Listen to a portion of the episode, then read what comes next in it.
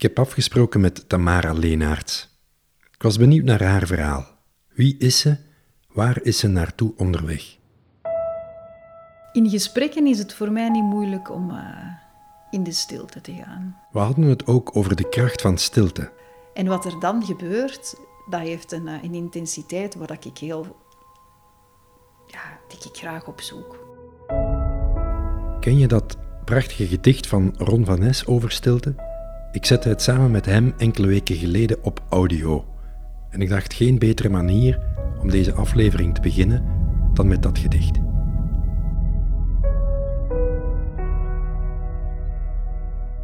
Stil. Alleen de stilte. Alleen de stilte. Stil ga ik mijn weg. De straat uit. Verder. De straat uit. Verder. Loop ik door velden waar gras een spoor trekt waar ik net gebleven was.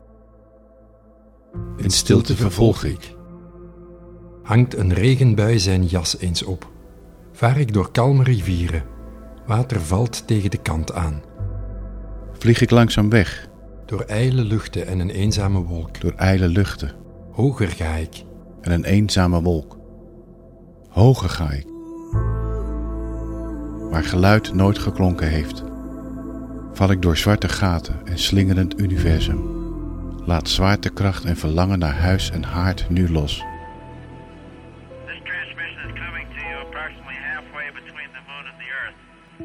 Zo vul ik mijn longen met de diepste stilte.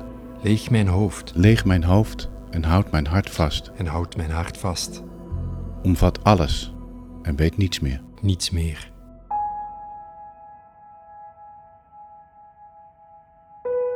In gesprekken is het voor mij niet moeilijk om uh, in de stilte te gaan. Zo. Ik kan, dat kan ik redelijk gemakkelijk. Omdat, om, net denk ik om, omdat, uh, omdat ik zo benieuwd ben naar wat dat er gebeurt in de stilte. Zo. En ook naar de, dat ik het ook heel... Ik vind stilte tussen mensen ook iets spannends. He, zo het, het, het, zwijgen en bij elkaar zijn. En, en meer nog als je dan naar elkaar kijkt ook. Zelfs ook op een scherm, heb ik gemerkt. En wat er dan gebeurt, dat heeft een, een intensiteit waar ik heel... Ja, die ik graag opzoek. Dus er is een hele duidelijke trigger voor mij om het stil te laten zijn in gesprekken, omdat dat de intensiteit en de spannendheid verhoogt. Zo. En, uh, ik vind het heel moeilijk om op mezelf in de stilte te gaan. Dat, dat is een stuk dat... Ja, dat vind ik zelf heel moeilijk. Vind ik, ja. Terwijl ik dat wel echt heel hard nodig heb. Ik ben iemand die uh, redelijk gemakkelijk overprikkeld geraakt. En, en mijn eerste kanaal dat overprikkeld geraakt is geluid.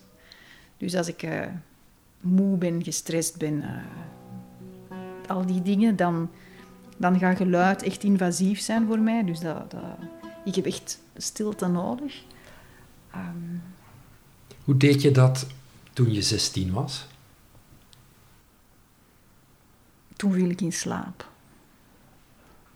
Ik ben heel, ik, slapen is voor mij een, een, heeft vele functies, onder andere zorgen dat mijn gestel tot rust kan komen en dat ik niks niet meer hoor.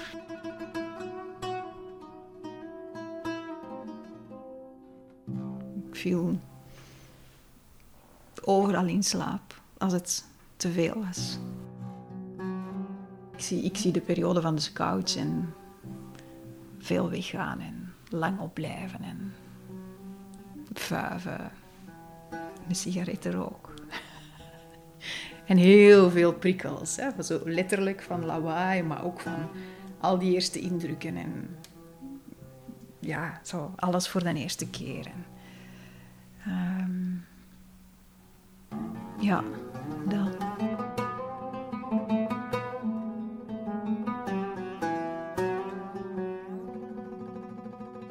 Dus voor mij was het bewust stil zijn niet geïntegreerd in mijn leven als ik jong was. Dat was iets wat niet... Uh, dat is pas echt met de jaren gekomen. Zo. Dus ik voelde wel... Ik had wel een systeem om te de detoxen, zal ik het even noemen. Eh, ehm, dat was het slapen. Maar ik, kan, ik had geen... Ik, ik ging niet bewuste stilte opzoeken. Dat was veel te spannend. Veel te... Ik was, toen, ik was als ik 16 was ook veel luidruchtiger zo. Veel meer... Uh, heel extravert en heel in de lead en discussiëren en plannen en voorstellen en heel outgoing zo. Er was heel weinig stilte. Ik denk dat niemand zich mij herinnert als een stille, stil meisje.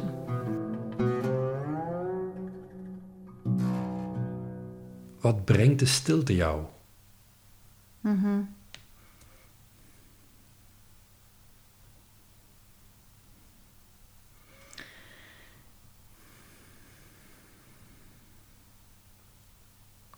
Ja, ik denk dat voor mij de stilte vooral, mij vooral een, ehm, brengt dat mijn, mijn systeem op een meer kloppend ritme komt. Zo. Ik denk dat eigenlijk in de wereld, zoals, dat, zoals waarin dat ik dan functioneer, dat het tempo eigenlijk net te hoog is voor mijn lichaam. Dat de gesprekken te snel zijn, dat de actie te, elkaar te snel opvolgt, dat... Uh, dat het ritme gewoon te hoog is. En dat als er stilte komt, dat dan dat heel mijn systeem zoiets heeft van, haha, ik, kan, ik voel het ook, dat ik op mijn stoel zo wat zak zo, van, uh, oké, zo, een soort be beweging van, van vertragen en schakelen naar een ander, naar een ander tempo, alsof dat je de plaat van vroeger, hè. Het toerental. Uh, ja, lager zetten zo. Naar, een, naar een, een, een ritme dat voor mij meer conform is met mijn, met mijn systeem. Zo. Ik was, uh, de, de laatste vakantie die Kurt en ik gedaan hebben, is naar Tanzania. En we waren... Uh, we waren uh, allez, safaris gaan doen. En ik kon zo genieten van de momenten dat we dieren zagen en dat wij de enige waren, hè, dat er geen andere Landrovers waren, maar dat wij de enige waren. En dat we dan ergens gingen staan en dat dan de, die chauffeur de auto stilzette. Oh. En dat je daar dan hè, zo die, die wijdse vlakte en dan die krekels of whatever insecten. En dan zo kijken naar een troep buffels ja, voor mij is dat een wezenlijk verschil of dat dan met een motor aan is of zonder motor. En dat je zo voelt, ah ja, oké. We kunnen zakken en vertragen. En, en ja, dan kom ik toch ook weer terug bij die intensiteit. Zo. Het is alsof dat... Je kijkt dan naar die beesten, die kijken terug. En in de stilte ontstaat er dan een soort van lijntje of Terwijl als die motor staat te draaien, dan blijven de toeristen die foto's komen trekken van buffels of nee. Ja, dat geeft een heel andere lading of... of uh, ja, er gebeurt iets in de tussenruimte, zo vind ik, in de stilte.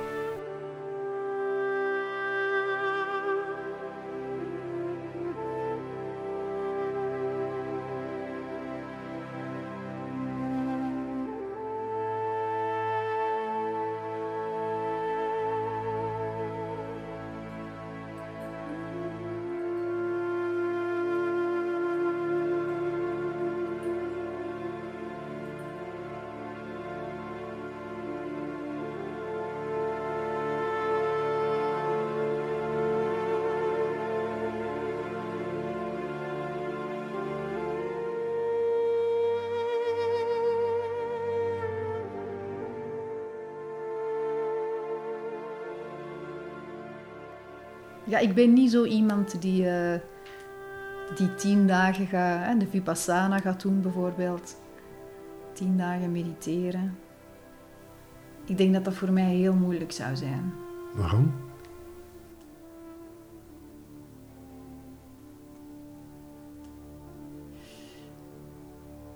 Ja, waarom?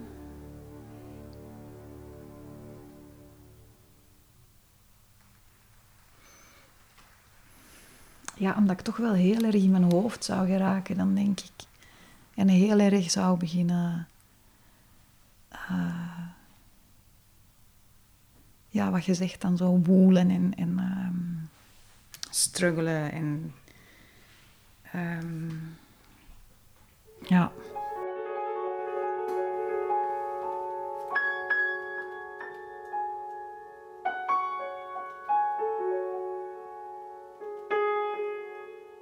Ik heb, een, ik heb het een heel grote overtuiging of, uh, of, of, een aanvoelen dat, dat mijn, mijn wijsheid en ook mijn geschiedenis en alles wat ik in dit leven nodig heb, dat dat veel meer in mijn lichaam zit dan in mijn hoofd of dan in mijn hersenen.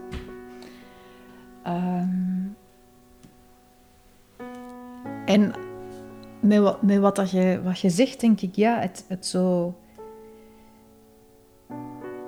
mij toelaten om helemaal in mijn lijf te zakken zo. En te kijken wat er dan gebeurt en wat dan mijn aandacht trekt en waar de prettige of onprettige sensaties zijn. En, en die dan te onderzoeken zo. En daar alle tijd en ruimte voor te hebben en niet uh, uitgedaagd worden om dit of dat of zus of zo te gaan doen, maar met dat lijf helemaal in de stilte te kunnen zakken en dan te accepteren wat er daar is zo aan fijne gewaarwordingen en minder fijne gewaarwordingen. Dat, dat is wel iets wat mij heel hard uh, bezighoudt. Zo.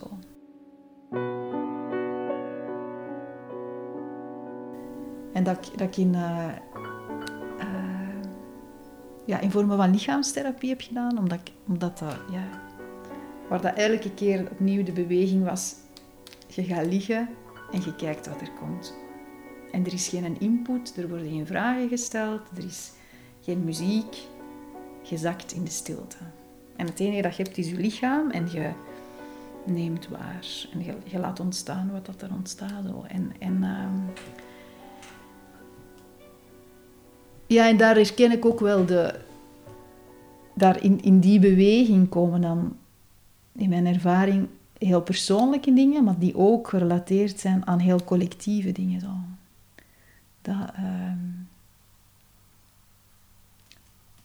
letterlijk fysieke pijnen of, of hè, meer emotionele trauma's die dat dan vastzitten in je lichaam, dat die ook niet alleen de mijne zijn, maar relateren aan vele vrouwen voor mij of mensen.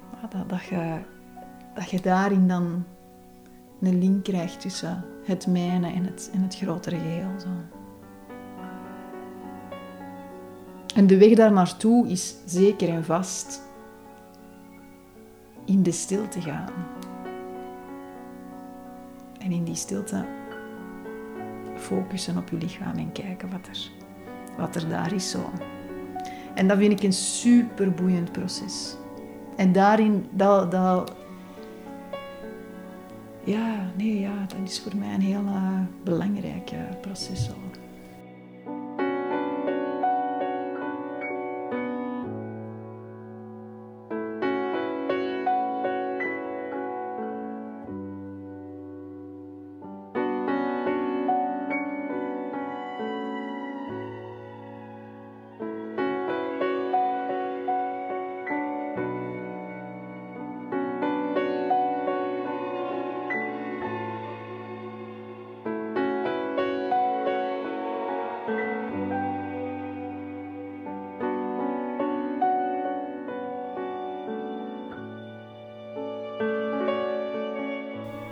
Breng je dat in, in die vrouwencirkels? Hè? Want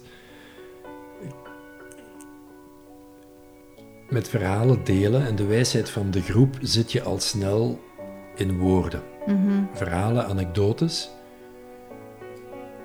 Van de juiste plek verteld blijven veel woorden. Mhm. Met stiltes tussendoor, maar wanneer de ene klaar is, is de ander getreerd om haar verhaal te brengen met ook weer woorden niet fout. Ik zit in hetzelfde veld. Mhm. Hoe breng je dat stilteveld, dat lijfelijke, dat embodiment, dat, dat, dat wat je beschrijft, wat je zelf vindt op een massagetafel of, of waar dan ook, Mhm. hoe, hoe speel je daarmee in de dingen die je doet?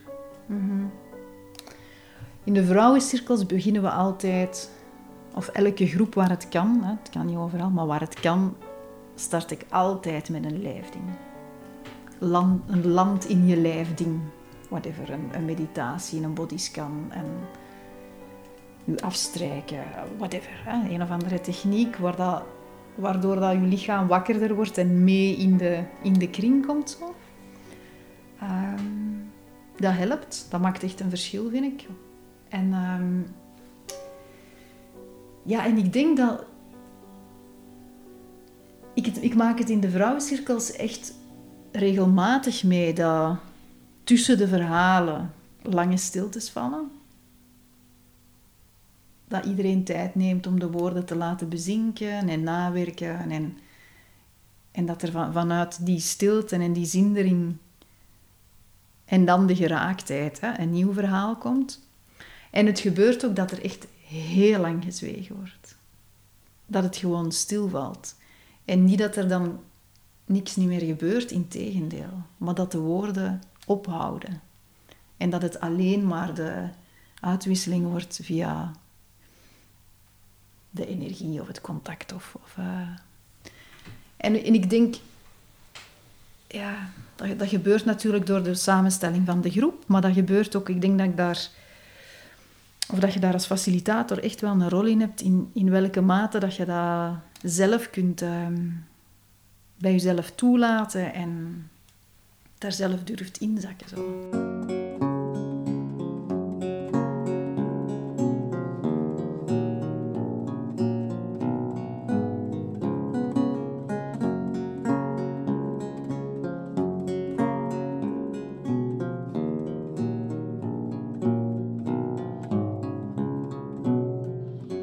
Ja, voor mij is dat echt, voor mij is dat, ik doe dat echt vanuit zingeving. En de, de zingeving die erin zit, is dat ik heel erg geloof in de. Uh, in wat dat je, wat dat je bewerkstelligt in het collectieve, als je dit soort van werk doet. Zo. Als je met elkaar verhalen deelt in de woorden en in het, in het samen zwijgen. Zo dan ik ben daar, ik geloof echt dat in het collectieve veld en dan specifiek in het feminine collectieve veld, want dat is dan, waar dat, hè, dat, is dan mijn niche waar dat ik dan in werk, zo, dat dat echt van betekenis is. Um, dat wat wij met onze cirkels van 10, 7, 12 vrouwen doen, dat dat, dat, dat effect ook echt... Uh, goed is voor de vrouwenenergie ergens in uh, Pakistan, bij wijze van spreken. Daar ben ik echt van overtuigd. Als je het zou beschrijven in termen van de wereld wil daar meer van. Wanneer ziet de wereld er beter uit als er meer is van wat? Ik denk als er meer vrouwelijk potentieel wakker wordt en ingezet wordt. Zo. Ik denk dat wat, wat de cirkels au fond bewerkstelligen, is dat vrouwen vrijer worden. Vrijer in, in wie dat ze zijn, in wat dat ze belangrijk vinden, in wat ze op tafel durven leggen, in waar ze voor willen gaan. Ehm, ja, als een soort van opladen. Zo. Dat voelt voor mij als het opladen van feminine energie in de wereld. En dat, dat, dat we daar gewoon nood aan hebben. Mannen, vrouwen, de natuur, uh, dat er meer feminine energie zou zijn. En dat die cirkels voelen voor mij echt als een ingang daartoe. Ja, voor mij is er wel een hele duidelijke link, zo, als je daar dan naar vraagt. Link tussen? Ik, de link tussen het nalaten en de stilte. Ik denk dat wat ik wil nalaten zou niet kunnen zonder mijn uh, relatie met stilte. Omdat het werk wat ik doe en wat, wat, ik, um, wat ik wil nalaten is voilà, een bijdrage aan een betere wereld in de vorm van meer feminine energie, of meer balans tussen masculine en feminine energie. een verhoging van de feminine energie. En dat, dat, dat hoe dat ik dat doe, alles te maken heeft met in de stilte te durven zijn en, en te kijken wat er dan gebeurt zo, en al die nuances. Was het ernstig voor jou, het gesprek? Ja, het was wel ernstig, ja. ik vond het wel een ernstig gesprek, ja. ja. Het voelde niet luchtig. Maar het is, ook, het is ook niet luchtig. Ja, ja. Ik heb ook, ik heb ook een hele luchtige kant. Hè? Maar, maar dat stuk van, van mij waar dat we het over hebben, zit helemaal niet in de luchtige kant. Het is echt serious business. Dat vind ik wel. Dus goed. Ja, ja, ja. Ah, oef.